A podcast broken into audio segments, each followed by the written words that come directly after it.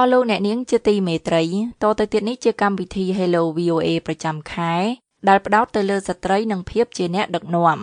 នៅរាត្រីនេះយើងខ្ញុំអញ្ជើញអ្នកស្រីអឹមសុកសំភ័រអ្នកសិក្សាស្រាវជ្រាវថ្នាក់ក្រោយបណ្ឌិតលើគោលនយោបាយសាធារណៈជាវាគ្មិនអ្នកស្រីនឹងពិភាក្សាប្រធានបទអំពីស្ត្រីនិងការតស៊ូដើម្បីសម្រេចក្តីស្រមៃផ្ទាល់ខ្លួនតទៅនេះសំលោកអ្នកនាងស្ដាប់កម្មវិធី Hello VOA រវាងអ្នកនាងខាន់សុគមនោ ដែលជាអ្នកសម្របសម្រួលកម្មវិធី Hello VOA នៅរាត្រីនេះជាមួយនឹងអ្នកស្រីអឹមសុកសំភ័រដូចតទៅសូមជម្រាបសួរប្រិយមិត្តនិងសូមស្វាគមន៍មកកាន់កម្មវិធី Hello VOA ស្ដីអំពីស្ត្រីនិងភាពជាអ្នកដឹកនាំសម្រាប់ខែនេះដែរខ្ញុំបានអញ្ជើញវាគ្មិនយើងមួយរូបដែលមានអាជីពជាអ្នកស្រាវជ្រាវផ្នែកគោលនយោបាយនោះគឺអ្នកស្រីអឹមសុកសំភ័រកិច្ចសន្ទនារវាងខ្ញុំនិងអ្នកស្រីសម្រាប់រាត្រីនេះ នឹងបង្ហាញអំពីបទពិសោធន៍របស់អ្នកស្រីផ្ទាល់នៅក្នុងការងារស្រាវជ្រាវសារៈសំខាន់នៃការស្រាវជ្រាវបែបវិទ្យាសាស្ត្រនៅក្នុងសង្គមកម្ពុជានិងការចែករំលែកនានាទៅកាន់យុវជនដែលចាប់អារម្មណ៍ការងារផ្នែកស្រាវជ្រាវចាអញ្ចឹងសូមជម្រាបសួរអ្នកស្រីអឹមសុកសំភ័ណ្ឌចាជម្រាបសួរមនោចាសូមអរគុណអ្នកស្រីដែលបានផ្ដល់ពេលវេលាដល់ VOA កន្លងមកអ្នកស្រីបានសិក្សាចប់ថ្នាក់បណ្ឌិតដែលយើងហៅថា PhD ហ្នឹងផ្នែកវិទ្យាសាស្ត្រនយោបាយពីសាកលវិទ្យាល័យ Hawaii នៃសហរដ្ឋអាមេរិកហើយនៅក្នុងអាជីពជាអ្នកស្រាវជ្រាវនេះតើអ្នកស្រីអាចជម្រាបប្រិយមិត្ត VOA ត្រួសត្រាសបានទេអំពីការងារបច្ចុប្បន្នរបស់អ្នកស្រីផ្ទាល់ចា៎ ចាសូមអរគុណមនោដែលបានអញ្ជើញខ្ញុំធ្វើជាវាគ្មិនកិត្តិយសនៅក្នុងកម្មវិធីរបស់ Hello VOA នៅក្នុងថ្ងៃនេះចាបច្ចុប្បន្ននេះខ្ញុំជាអ្នកសិក្សាស្រាវជ្រាវថ្នាក់ក្រោយបណ្ឌិតនៅមជ្ឈមណ្ឌលខេមរៈសិក្សាធ្វើការសិក្សាតាក់ទងទៅនឹងគោលនយោបាយសាធារណៈផ្ដោតទៅលើគោលនយោបាយស្ដីពីសង្គមដូចជាតាក់ទងនឹងគោលនយោបាយនៅក្នុងវិស័យទេសចរក៏ដូចជាវិស័យសង្គមផ្សេងផ្សេងដូចជាផ្នែកសេវាសង្គមបច្ចុប្បន្ននេះខ្ញុំកំពុងសិក្សាអំពីគម្រោង2គម្រោងទី1ដែលខ្ញុំសិក្សានៅនៅមជ្ឈមណ្ឌលខេមរៈសិក្សាគឺខ្ញុំធ្វើការស្រាវជ្រាវស្ដីពីផលប៉ះពាល់របស់ COVID ទៅលើបុគ្គលិកដែលគាត់ធ្វើការនៅក្នុងវិស័យទេសចរនៅខេត្តសៀមរាបយើងសិក្សាអំពីផលប៉ះពាល់ COVID ហ្នឹងតើបានធ្វើឲ្យពួកគាត់មានទទួលរងផលប៉ះពាល់អីខ្លះក្នុងកំឡុងពេល COVID ហ្នឹងហើយតើយើងក៏សិក្សាអំពីយុទ្ធសាស្ត្រផ្សេងផ្សេងដែលរដ្ឋាភិបាលបានដាក់ចេញមកដើម្បីជួយបុគ្គលិក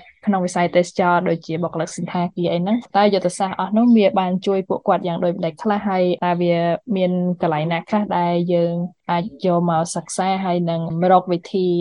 ធ្វើយ៉ាងម៉េចឲ្យទៅថ្ងៃមុខបើសិនជាមានបញ្ហាអញ្ចឹងកើតឡើងទៀតគឺយើងមានយុទ្ធសាស្ត្រសម្រាប់ដោះស្រាយវិបត្តិដូចជាសម័យ COVID ហ្នឹងជាដើមចាប្រធានបទហ្នឹងមើលទៅគួរឲ្យចាប់អារម្មណ៍ហើយក៏ជាប្រធានបទដែលថ្មីដែលតន់សម័យកាលអញ្ចឹងចង់ដឹងថាពេលនេះការស្រាវជ្រាវហ្នឹងដំណាក់កាលដល់ណាហើយហើយអ្វីទៅជាការរកឃើញឬក៏ជាការឆ្លុះបញ្ចាំងពីពីការសិក្សានេះចា៎ចាសម្រាប់ការសិក្សាដែលខ្ញុំធ្វើជាមួយមជ្ឈមណ្ឌលខេមរៈសិក្សានេះគឺយើងបានបញ្ចប់ការធ្វើការស្រាវជ្រាវនៅ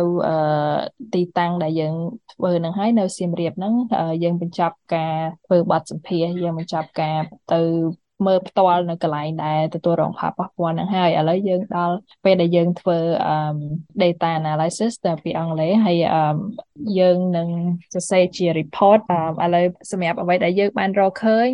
ដោយសារគម្រោងសិក្សានេះវាមិនទាន់បានបញ្ចប់ជាស្ថាពរទេយើងកំពុងតែធ្វើ analyze data មានន័យថាយើងកំពុងតែ យកព័ត៌មានដែលយើងទទួលបានទាំងប្រមាណហ្នឹងយកមកវិភាគហើយហើយយើងយើងនឹងសរសេរជារបាយការណ៍ហើយដាក់ចេញឲ្យសាធារណៈគាត់បានមើលនៅដាច់ខែ4ហើយអ្វីដែលយើងបានរកឃើញជាដំបូងមាន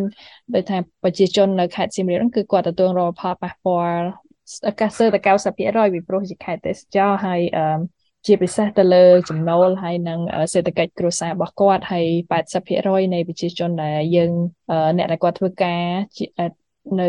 ខេត្តសៀមរាបហ្នឹងគឺគាត់គឺគាត់មានកម្ចីប្រាក់ពីខាងអនុទានឬក៏ធនាគារអីហ្នឹងហើយគាត់មានការលំបាកមែនទែនដែលគាត់អត់មានចំណូលអញ្ចឹងគាត់អត់អាចបង់ថ្លៃកម្ចីរបស់គាត់ណា ប្រចាំខែនៅសម័យ COVID ហ្នឹងអញ្ចឹងទៅអឺនោះជាអ្វីដែលយើងរកឃើញហើយយើងក៏បានឃើញថារ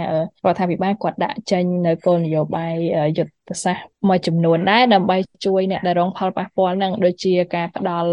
ប្រាក់ឧបត្ថម្ភ40ដុល្លារមួយខែហើយនឹងការសម្រាលមិនយកពន្ធដល់អាជីវកម្មដែលគាត់រងផលប៉ះពាល់នឹងជាដើមឡាក់នៅក្នុងសម័យ COVID ហ្នឹងហើយចំពោះការវិភាគលម្អិតគឺយើងនឹងធ្វើនៅក្នុងរបាយការណ៍ហើយយើងនឹងដាក់ ឲ្យ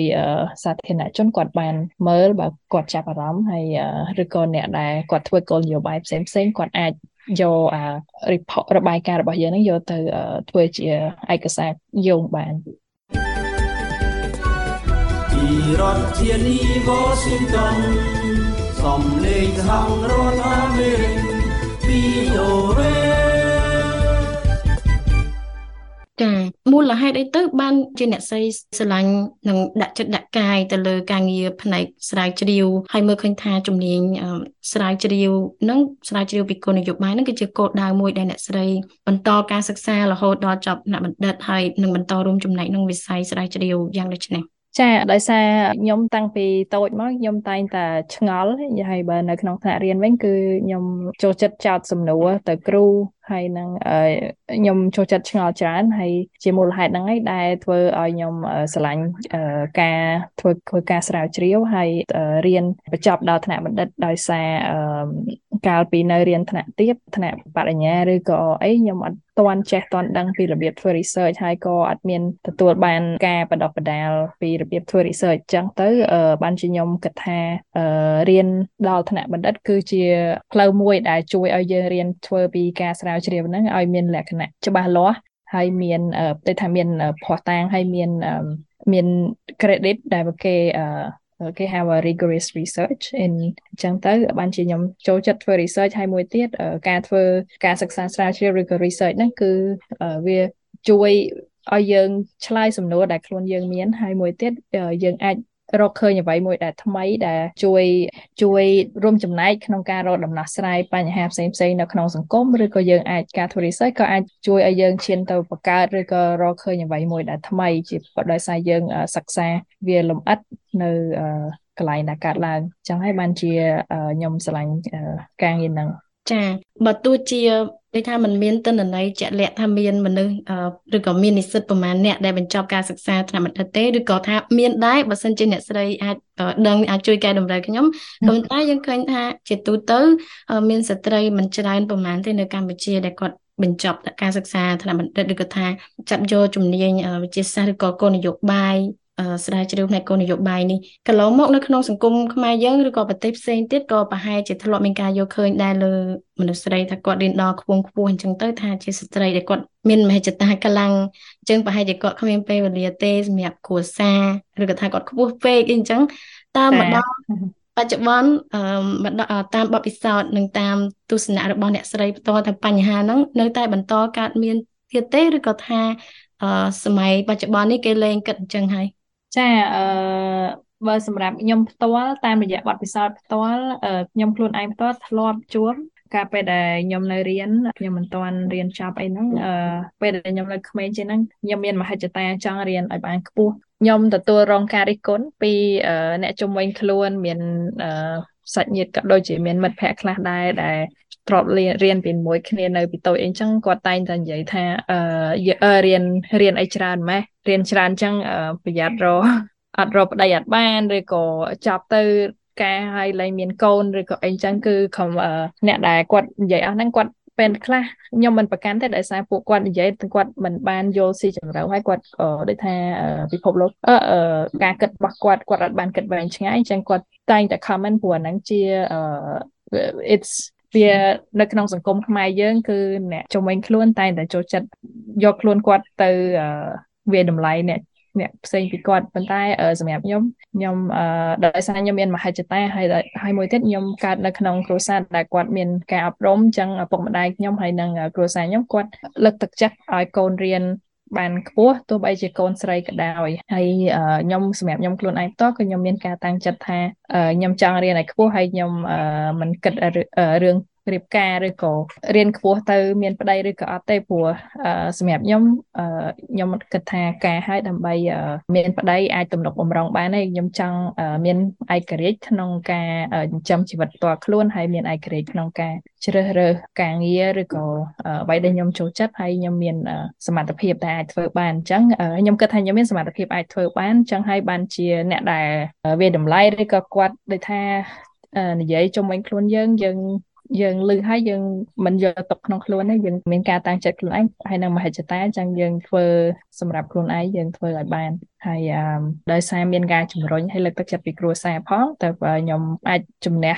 ឧបសគ្គដើម្បីធ្វើឲ្យក្តីសម័យរបស់ខ្លួនឯងខ្លាចជាការពិតចារហូតមកដល់ពេលនេះថាតើអ្វីទៅដែលនៅពីក្រោយការខិតខំទាំងអំបាលម៉ានរបស់អ្នកស្រីដែលដើរមកដល់ថ្ងៃនេះ ចានៅអ្នកដែលនៅពីក្រោយគឺអឺគ្រួសារខ្ញុំផ្ទាល់ស្វាមីខ្ញុំហើយនិងប៉ាឪពុកម្ដាយខ្ញុំគាត់តែងតែលើកទឹកចិត្តគាត់តែងតែឲ្យតម្លៃអញ្ចឹងទៅខ្ញុំមានការតាំងចិត្តរបស់ខ្ញុំដូចថាដោយសារខ្ញុំអត់មានអ្នកបន្តិចបង្អាក់ជាពិសេសអ្នកដែលនៅជុំវិញខ្លួនចិត្តស្និទ្ធជាមួយខ្ញុំហើយមិត្តភ័ក្តិខ្ញុំខ្លះមួយចំនួនដែលគាត់ដូចថាបានរៀនសូត្រខ្ពង់ខ្ពស់ដែរគាត់ធ្វើការងារជា professional អញ្ចឹងដែរហើយខ្ញុំមានមិត្តភ័ក្តិខ្លះទៀតគាត់ ដូចថាគាត់បានរៀនខ្ពស់ PhD Master អីចឹងដែរគឺគាត់មានការឲ្យតម្លៃអញ្ចឹងអ្នកដែលនៅជុំវិញខ្លួនខ្ញុំគាត់ឲ្យតម្លៃពីអ្វីដែលខ្ញុំធ្វើហើយគាត់លើកទឹកចិត្តចឹងទៅទោះបីគាត់មិនបានធ្វើអីច្រើនការបើគាត់មិនបានបន្តិចបង្អាក់គឺខ្ញុំគិតថាគឺគាត់ជួយឲ្យការលើកទឹកចិត្តគឺជារឿងមួយដែលសំខាន់ជាពិសេសនៅពេលដែលយើងជាស្ត្រីហើយយើងយើងផ្ដោតទៅលើការងារហើយនឹងការធ្វើការសិក្សានឹងច្រើនចឹងហើយជាពិសេសនៅក្នុងសង្គមខ្មែរយើងមនុស្សស្រីធម្មតាពេលដែលយើងការហើយឬក៏យើងអាយុចន្លោះពី20 30គឺតែងតែគិតរឿងមានគ្រួសារឬមានកូនអីអញ្ចឹងទៅវាធ្វើឲ្យយើងអត់បានការមានកូនមានចៅអីហ្នឹងគឺគឺវាបន្តិចបង្អាក់មហិច្ឆតារបស់មនុស្សស្រីនៅក្នុងសង្គមខ្មែរយើងចា៎ចាតាមរយៈបទពិសោធន៍កន្លងមកជាអ្នកស្រាវជ្រាវមួយរូបតើអ្វីទៅជាឧបសគ្គនិងជាបញ្ហាចោទទៅដល់អ្នកស្រាវជ្រាវជាទូទៅនៅក្នុងកម្ពុជានេះចា៎ ចាអឺបញ្ហាដែលខ្ញុំមើលឃើញបើតាមបទពិសោធន៍ផ្ទាល់គឺអាស្រ័យតាមពិតទៅវាអាស្រ័យទៅលើប្រធានបទក្នុងការសិក្សាស្រាវជ្រាវនឹងដែរបើសិនជាការសិក្សាស្រាវជ្រាវនោះអឺមិនមែនជាការសិក្សាស្រាវជ្រាវមួយដែល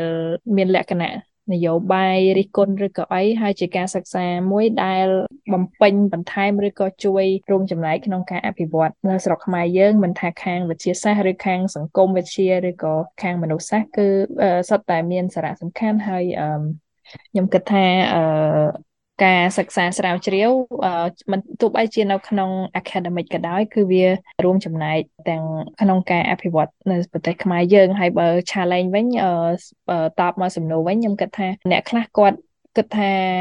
ប្រហែលជាគាត់មិនបានយល់ឲ្យស៊ីជម្រៅការធ្វើ research គឺធម្មតាយើងរកភ័ស្តុតាងហើយសង្គមខ្មែរយើងវាមានលក្ខណៈថា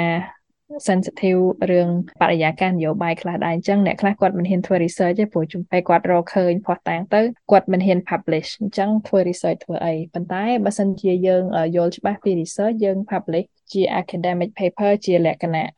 រួមគេហៅ constructive research អាហ្នឹងចាអាហ្នឹងខ្ញុំគិតថាយើងមិនគួរខ្លាចក្នុងការធ្វើ research ទេទោះបី topic អីក៏ដោយ ចាពីព្រោះយើងមិនមែនរិះគន់ជាលក្ខណៈអីនេះទេយើងយើងរួមចំណែកក្នុងការកែលម្អហើយនឹងអភិវឌ្ឍសង្គមទេតែមួយទៀតតកតងនឹង challenge ក្រៅពីបរិយាកាសនយោបាយមានមួយទៀតគឺសាកលវិទ្យាល័យនៅស្រុកខ្មែរយើងមិនទាន់មានគេហៅថា ethic committee អញ្ចឹងទៅហើយមួយទៀតសាកលវិទ្យាល័យជាច្រើនគាត់អត់បានផ្ដោតសំខាន់ទៅលើ research production ទេមានដូចថាវាមិនមែនជា priority អញ្ចឹងទៅខ្ញុំគិតថា អានោះក៏ជា challenge មួយដែរហើយមួយទៀត access to resource ហ្នឹងដូចថាយើងអត់មានធនធានគ្រប់គ្រាន់ដូចជាបណ្ណាល័យដូចជាអីចឹងដើម្បីជួយ researcher នៅស្រុកខ្មែរមិនថាសិស្សសាកលវិទ្យាល័យថ្នាក់ bachelor ឬក៏ master PhD ទេគឺវា challenge មែនតើសម្រាប់ពួកគាត់ទោះបីជាគាត់ចង់ធ្វើ research ប៉ុន្តែគាត់អត់មានធនធានអស់ហ្នឹងជួយជួយគាត់ក៏គាត់អត់អាចធ្វើ research បានដែរអញ្ចឹងពីរហ្នឹងគឺសំខាន់ហើយខ្ញុំចង់អ្វីដែលខ្ញុំសំណូមពរហ្នឹងគឺសាកលវិទ្យាល័យស្រុកខ្មែរ focus ទៅលើការពង្រឹងវិស័យសិក្សាស្រាវជ្រាវនៅថ្នាក់ឧត្តមសិក្សា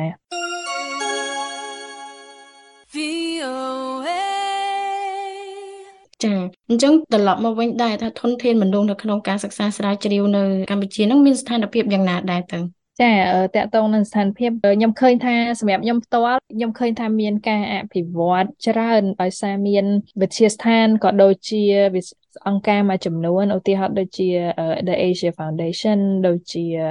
Cambodia Development Resource Institute CDRI ហើយឬក៏មជ្ឈមណ្ឌលខេមរៈសិក្សាអីហ្នឹង Future Forum អីគាត់បានធ្វើការយ៉ាងច្រើនដើម្បីរួមចំណែកក្នុងការពង្រឹងវិស័យសិក្សាស្រាវជ្រាវនៅស្រុកខ្មែរយើង ជាពិសេសនៅថ្នាក់ឧត្តមសិក្សា ប៉ុន្តែវានៅមានខ្វះចន្លោះហើយខ្ញុំចង់ឲ្យមានការចូលរួមច្រើនជាងហ្នឹងពីខាងសាកលវិទ្យាល័យធំធំនៅស្រុកខ្មែរជាពិសេសសាកលវិទ្យាល័យរដ្ឋក៏ដូចជាឯកជនមួយចំនួនដែលគាត់មានឈ្មោះបោះសម្លេងហើយគាត់គួរតែបដោតក្នុងការពង្រឹងខាងវិស័យនឹងច្រើនឲ្យបានច្រើនចាដូចថាលើកទឹកចិត្តឲ្យមានទុនធានមនុស្សច្រើនផ្នែកស្រាវជ្រាវឬក៏លើកទឹកចិត្តឲ្យការស្រាវជ្រាវរបស់គាត់នឹងកាន់តែល្អកាន់តែផ្សាយទូលំទូលាយដល់អ្នកអានអ្នកស្រាវជ្រាវផ្សេងទៀត អញ្ចឹងអ្វីទៅដូចថាជាការបំពេញបន្ថែមអឺសម្រាប់រឿងហ្នឹងដូចថាប្រជាជនខ្មែរយើងភាគច្រើនគាត់មិនសូវចូលចិត្តអានហើយអាន គឺគាត់អត់ចូលចិត្តអានឯកសារណាដែលវែងឬក៏បច្ចេកទេសច្រើនតែគាត់ចូលចិត្តអានគាត់អានតែខ្លីៗអញ្ចឹងដើម្បីសម្រាប់អ្នកដែលសិក្សាស្រាវជ្រាវបើសិនជាគាត់ចង់ឲ្យមានសាធារណជនគាត់ចាប់អារម្មណ៍ច្រើនហើយយល់ដឹងពីធ្វើ research ពីផលប្រយោជន៍នៃការស្រាវជ្រាវផ្សេងៗឡើងនឹងដែរខ្ញុំគិតថាការចែកម្លែកគួរតែធ្វើឡើងតាមរយៈសរសេរជាអត្ថបទខ្លីៗដូចជា commentary article ឬក៏ចែករំលែកតាមរយៈ public lecture គេហៅថា guest lecture ឬថាបង្រៀនតាមអនឡាញឬក៏អីជាសាធារណៈជាឬក៏តាមរយៈវេទិកាផ្សេងផ្សេងឬតុកមូលឬក៏វេទិកាសាធារណៈផ្សេងផ្សេងដែលគាត់អាចចូលរួមបានហ្នឹងដើម្បីចែករំលែកពីចំណេះដឹងរបស់គាត់ខាងធ្វើធ្វើការស្រាវជ្រាវហ្នឹងក៏ដូចជាអ្វីដែលគាត់បានរកឃើញពីការស្រាវជ្រាវហ្នឹង ចាចំពោះអ្នកស្រីផ្ទាល់តើទៅមុខទៀតទៅអ្នកស្រីមានអ្វីជាបំណងប្រាថ្នាថាចង់រួមចំណែកពីចំណេះដឹងរបស់ខ្លួននិងជំនាញដែលខ្លួនមាននឹងទៅដល់យុវជនដែលមានការចាប់អារម្មណ៍ផ្នែកស្រាវជ្រាវហ្នឹងហើយអ្វីទៅជាកន្លឹះសម្រាប់ពួកគាត់ដែលអាចប្រើប្រាស់បាននៅក្នុងការអភិវឌ្ឍខ្លួនឲ្យក្លាយទៅជាអ្នកសិក្សាស្រាវជ្រាវបែបវិទ្យាសាស្ត្រមួយយ៉ាងពិតប្រាកដមួយរូបនេះ ចាអឺបើសម្រាប់ខ្លួនខ្ញុំផ្ទាល់គ្រាន់តែជាអ្នកសិក្សាស្រាវជ្រាវម្នាក់ខ្ញុំអ្វីដែលខ្ញុំអាចចែករំលែកបានគឺអឺចែករំលែកតាមរយៈអ្វីដែលខ្ញុំបានជា paper ជាគេហៅថាជាអត្ថបទរបស់ពុំផ្សាយឲ្យគាត់បានអានបានយល់ដោយមិនដោយគេហៅ open access ហ្នឹងមានន័យថាដោយថាចែករំលែក អនឡាញតាមរយៈតរន័យដែលគាត់អាចទាញយកបានដោយមិនចាំបាច់ចំណាយថវិកានឹងមួយហើយមួយទៀតខ្ញុំអាចនឹងធ្វើបង្កើតជាវេទិកាពិភាក្សាតបមូលឬក៏ជាការបង្រៀនជាសាធារណៈ បើសិនជាមានអ្នកចាប់អារម្មណ៍ចែករំលែកពីបទពិសោធន៍ក្នុងការធ្វើការសិក្សាស្រាវជ្រាវឲ្យមានលក្ខណៈច្បាស់លាស់ហើយលម្អិតហើយតាមក្បួនខ្នាតត្រឹមត្រូវចានោះជាអ្វីដែលខ្ញុំអាចចែករំលែកបាន គឺបាទប៉ុណ្្នឹងឯងសម្រាប់បច្ចុប្បន្ននេះហើយទៅថ្ងៃមុខគឺខ្ញុំសង្ឃឹមថាខ្ញុំនឹងបង្រៀននៅសាកលវិទ្យាល័យហើយបង្រៀនពីការធ្វើការសិក្សាស្រាវជ្រាវហ្នឹងនៅសាកលវិទ្យាល័យនៅស្រុកខ្មែរយើងចាពី រដ្ឋធានី Washington សំលេងសហរដ្ឋអាមេរិក VOA ចាអឺសំណួរមួយចុងក្រោយដែរថាតើអ្វីទៅជាក្តីសុបិនរបស់អ្នកស្រីទៅថ្ងៃអនាគតទាំងសម្រាប់ផ្ទាល់ខ្លួននិងសម្រាប់វិស័យផ្នែកស្រាវជ្រាវសិក្សាស្រាវជ្រាវនេះ សម្រាប់ខ្ញុំក្តីសម័យសម្រាប់ជាអ្នកធ្វើការស្រាវជ្រាវខាងនៅខាងឧត្តមសិក្សាម្នាក់ខ្ញុំមានក្តីសម័យគឺធ្វើការសិក្សាស្រាវជ្រាវបន្តទៀតអត់តន់ចប់ត្រឹមអ្វីដែលខ្ញុំបានធ្វើទេព្រោះខ្ញុំនៅព្រោះសម្រាប់ខ្ញុំវាវានៅតិច ខ្ញុំនៅសិក្សានៅរៀនបន្ថែមទៀតខ្លួនឯងហើយសង្ឃឹមថាខ្ញុំនឹងបោះពុំផ្សាយអត្ថបទបន្ថែមទៀតតែជួយរួមចំណែកសម្រាប់បង្កើនចំណេះដឹងដល់ខ្មែរខ្មែរយើងក៏ដូចជាអ្នកផ្សេងផ្សេងនៅលើពិភពលោកឲ្យគាត់បានដឹងបានលើពីស្រុកខ្មែរច្រើនជាង ជាងរាល់ថ្ងៃហ្នឹងដោយសារតាមរយៈបទពិសោធន៍ផ្ទាល់ខ្ញុំឃើញថាអត្ថបទរបស់ពុំផ្សាយពាក់ព័ន្ធតទៅនឹងការសិក្សាអំពីប្រទេសកម្ពុជាយើងគឺនៅមាន តិចបំផុតសម្រាប់ធៀបទៅនឹងប្រទេសជំវិញយើងនៅអាស៊ីអាគ្នេយ៍ជាដើមឡាក់ហើយហើយខ្ញុំសង្ឃឹមថាខ្ញុំនឹងបោះពុំផ្សាយសភៅព្រោះឥឡូវហ្នឹងខ្ញុំនឹងកំពុងធ្វើគម្រោងសិក្សាមួយទៀតតកតងទៅនឹងគោលនយោបាយសាធារណៈតកតងនឹងសេវាសង្គមនៅស្រុកខ្មែរហើយសង្ឃឹមថាទៅថ្ងៃមុខខ្ញុំមានលទ្ធភាពបោះពុម្ពផ្សាយសភៅមួយទៀតជាភាសាខ្មែរហើយនិងភាសាអង់គ្លេសសម្រាប់សាធារណជនគាត់បានយល់ដឹងបន្ថែមពីសេវាសង្គមនៅស្រុកខ្មែរចា មុននឹងបញ្ចប់កម្មវិធីតើអ្នកស្រីមានអ្វីចង់បន្ថែមឬក៏មានសារអ្វីទៅកាន់អ្នកស្រាវជ្រាវឬក៏សាធារណជនទូទៅបន្ថែមទៀតទេចាខ្ញុំមានសារបន្តិចបន្តួចជូនដល់សិស្សនិស្សិតខ្មែរយើងដែលគាត់ចាប់មានចំណាប់អារម្មណ៍ក្នុងការ ធ្វើការសិក្សាស្រាវជ្រាវហើយអត់ដឹងថាតើគាត់ត្រូវចាប់ផ្ដើមពីកន្លែងណាកន្លែងណាហ្នឹងគឺសម្រាប់ខ្ញុំខ្ញុំតាមរយៈបទពិសោធន៍ផ្ទាល់ខ្ញុំខ្ញុំគិតថាពួកគាត់គួរតែចូលរួមឲ្យបានច្រើននៅឱកាសផ្សេងផ្សេងដូចជាវេទិកាសាធារណៈដែលបើកឲ្យចូលរួមជាសាធារណៈដូចជាជាមួយខាងមជ្ឈមណ្ឌល អភិវឌ្ឍកម្ពុជាដូចជា CDRI មជ្ឈមណ្ឌលខេមរៈសិក្សាឬក៏ Future Forum អីហ្នឹងគាត់ចូលរួមឲ្យបានច្រើនហើយព្រោះខ្ញុំឃើញវិទ្យាស្ថានអស់ហ្នឹងឬក៏មជ្ឈមណ្ឌលហ្នឹងគឺគាត់បានផ្ដល់ជាឱកាសដូចថាពង្រឹងជួយអភិវឌ្ឍធនធានមនុស្សនៅស្រុកខ្មែរយើងក្នុងការធ្វើការស្រាវជ្រាវហ្នឹងហើយក៏មួយទៀតពួកគាត់គួរតែការធ្វើការសិក្សាស្រាវជ្រាវហ្នឹងគឺតម្រូវឲ្យយើង អានឲ្យបានច្រើនហើយនឹងរៀនសរសេរឲ្យបានច្រើនហើយខ្ញុំគិតថាសម្រាប់ពួកគាត់នៅក្មេងៗអត់ទាន់បានបទពិសោធន៍ធ្វើ research អីច្រើនគាត់អាចធ្វើជាលក្ខណៈ secondary គេហៅថា data research ហ្នឹងដូចថាគាត់អាចស្រាវជ្រាវតាមរយៈ internet តាមអីចឹងធ្វើ research ហើយគាត់អាចសរសេរជា commentary article ឬក៏ opinion article អីហ្នឹងដោយ media ឬក៏ចាំដល់គឺវិទ្យាសាស្ត្រអស់ហ្នឹងគឺគាត់តែងតែផ្ដល់ឱកាសអញ្ចឹងខ្ញុំគិតថាគួរតែចាប់ផ្ដើមពីតិចទៅហើយមួយទៀត it's it's never too early to start នឹងជាអ្វីដែលខ្ញុំបើសិនជាខ្ញុំជានិស្សិតនៅក្មេងនៅរៀនថ្នាក់ Bachelor ហើយខ្ញុំចាប់អារម្មណ៍ហ្នឹងគឺខ្ញុំនឹង start ពីកន្លែងហ្នឹងទៅហើយចា ហើយខ្ញុំក៏សង្ឃឹមថាគ្រូគ្រូនៅសាកលវិទ្យាល័យនៅស្រុកខ្មែរយើងគឺគាត់នឹងចំណាយពេលខ្លះជួយកូនសិស្សហើយព្រោះខ្ញុំឃើញថាសិស្សនៅខ្មែរយើងគាត់អត់សូវទទួលបានការជួយពីគ្រូគ្រូប្រហែលទេដោយសារនៅស្រុកយើងសាកលវិទ្យាល័យគ្រូគ្រូគាត់គាត់គាត់បង្រៀនច្រើនមុខឬក៏ច្រើនកន្លែងអញ្ចឹងទៅគាត់អត់សូវមានពេលជួយកូនសិស្សចាអញ្ចឹងទៅគឺការចូលរួមកម្មវិធីផ្សេងផ្សេងនៅខាងក្រៅសាលាហ្នឹងគឺអាចជួយគាត់បានច្រើនចា ចាចាបើនិយាយឲ្យខ្លីទៅថាលក្ខណៈសម្បត្តិអ្នកស្រាវជ្រាវអឺមានចាចាលក្ខណៈសម្បត្តិអ្នកស្រាវជ្រាវបើនិយាយខ្លីគឺគាត់អាចដូចថាចូលរួមកម្មវិធីសាធារណៈផ្សេងផ្សេងដូចតែខ្ញុំបានលើកឡើងមិញអញ្ចឹងគឺវេទិកាសាធារណៈដូចជា webinar ឬក៏ round table discussion ឬក៏ workshop អីសិក្ខាសាលាផ្សេងផ្សេងហ្នឹងដែលនិយាយពីការធ្វើ research កាយដូចជា future forum អីជាដើមឡើងហ្នឹងគឺឬក៏ ខាង Center for Khmer Study អីខេមរៈមជ្ឈមណ្ឌលខេមរៈសិក្សាហ្នឹងគឺគាត់មានបើកជា public lecture webinar ហ្នឹងញឹកញាប់ដែរដូចជាយ៉ាងហោចណាស់ក៏មួយខែម្ដងដែរអញ្ចឹងបើសិនជាគាត់ subscribe ឬក៏ follow page របស់ Center for Khmer Study ហ្នឹងឬក៏មជ្ឈមណ្ឌលខេមរៈសិក្សាហ្នឹងគឺគាត់នឹងទទួលបានព័ត៌មានអស់ហ្នឹងហើយ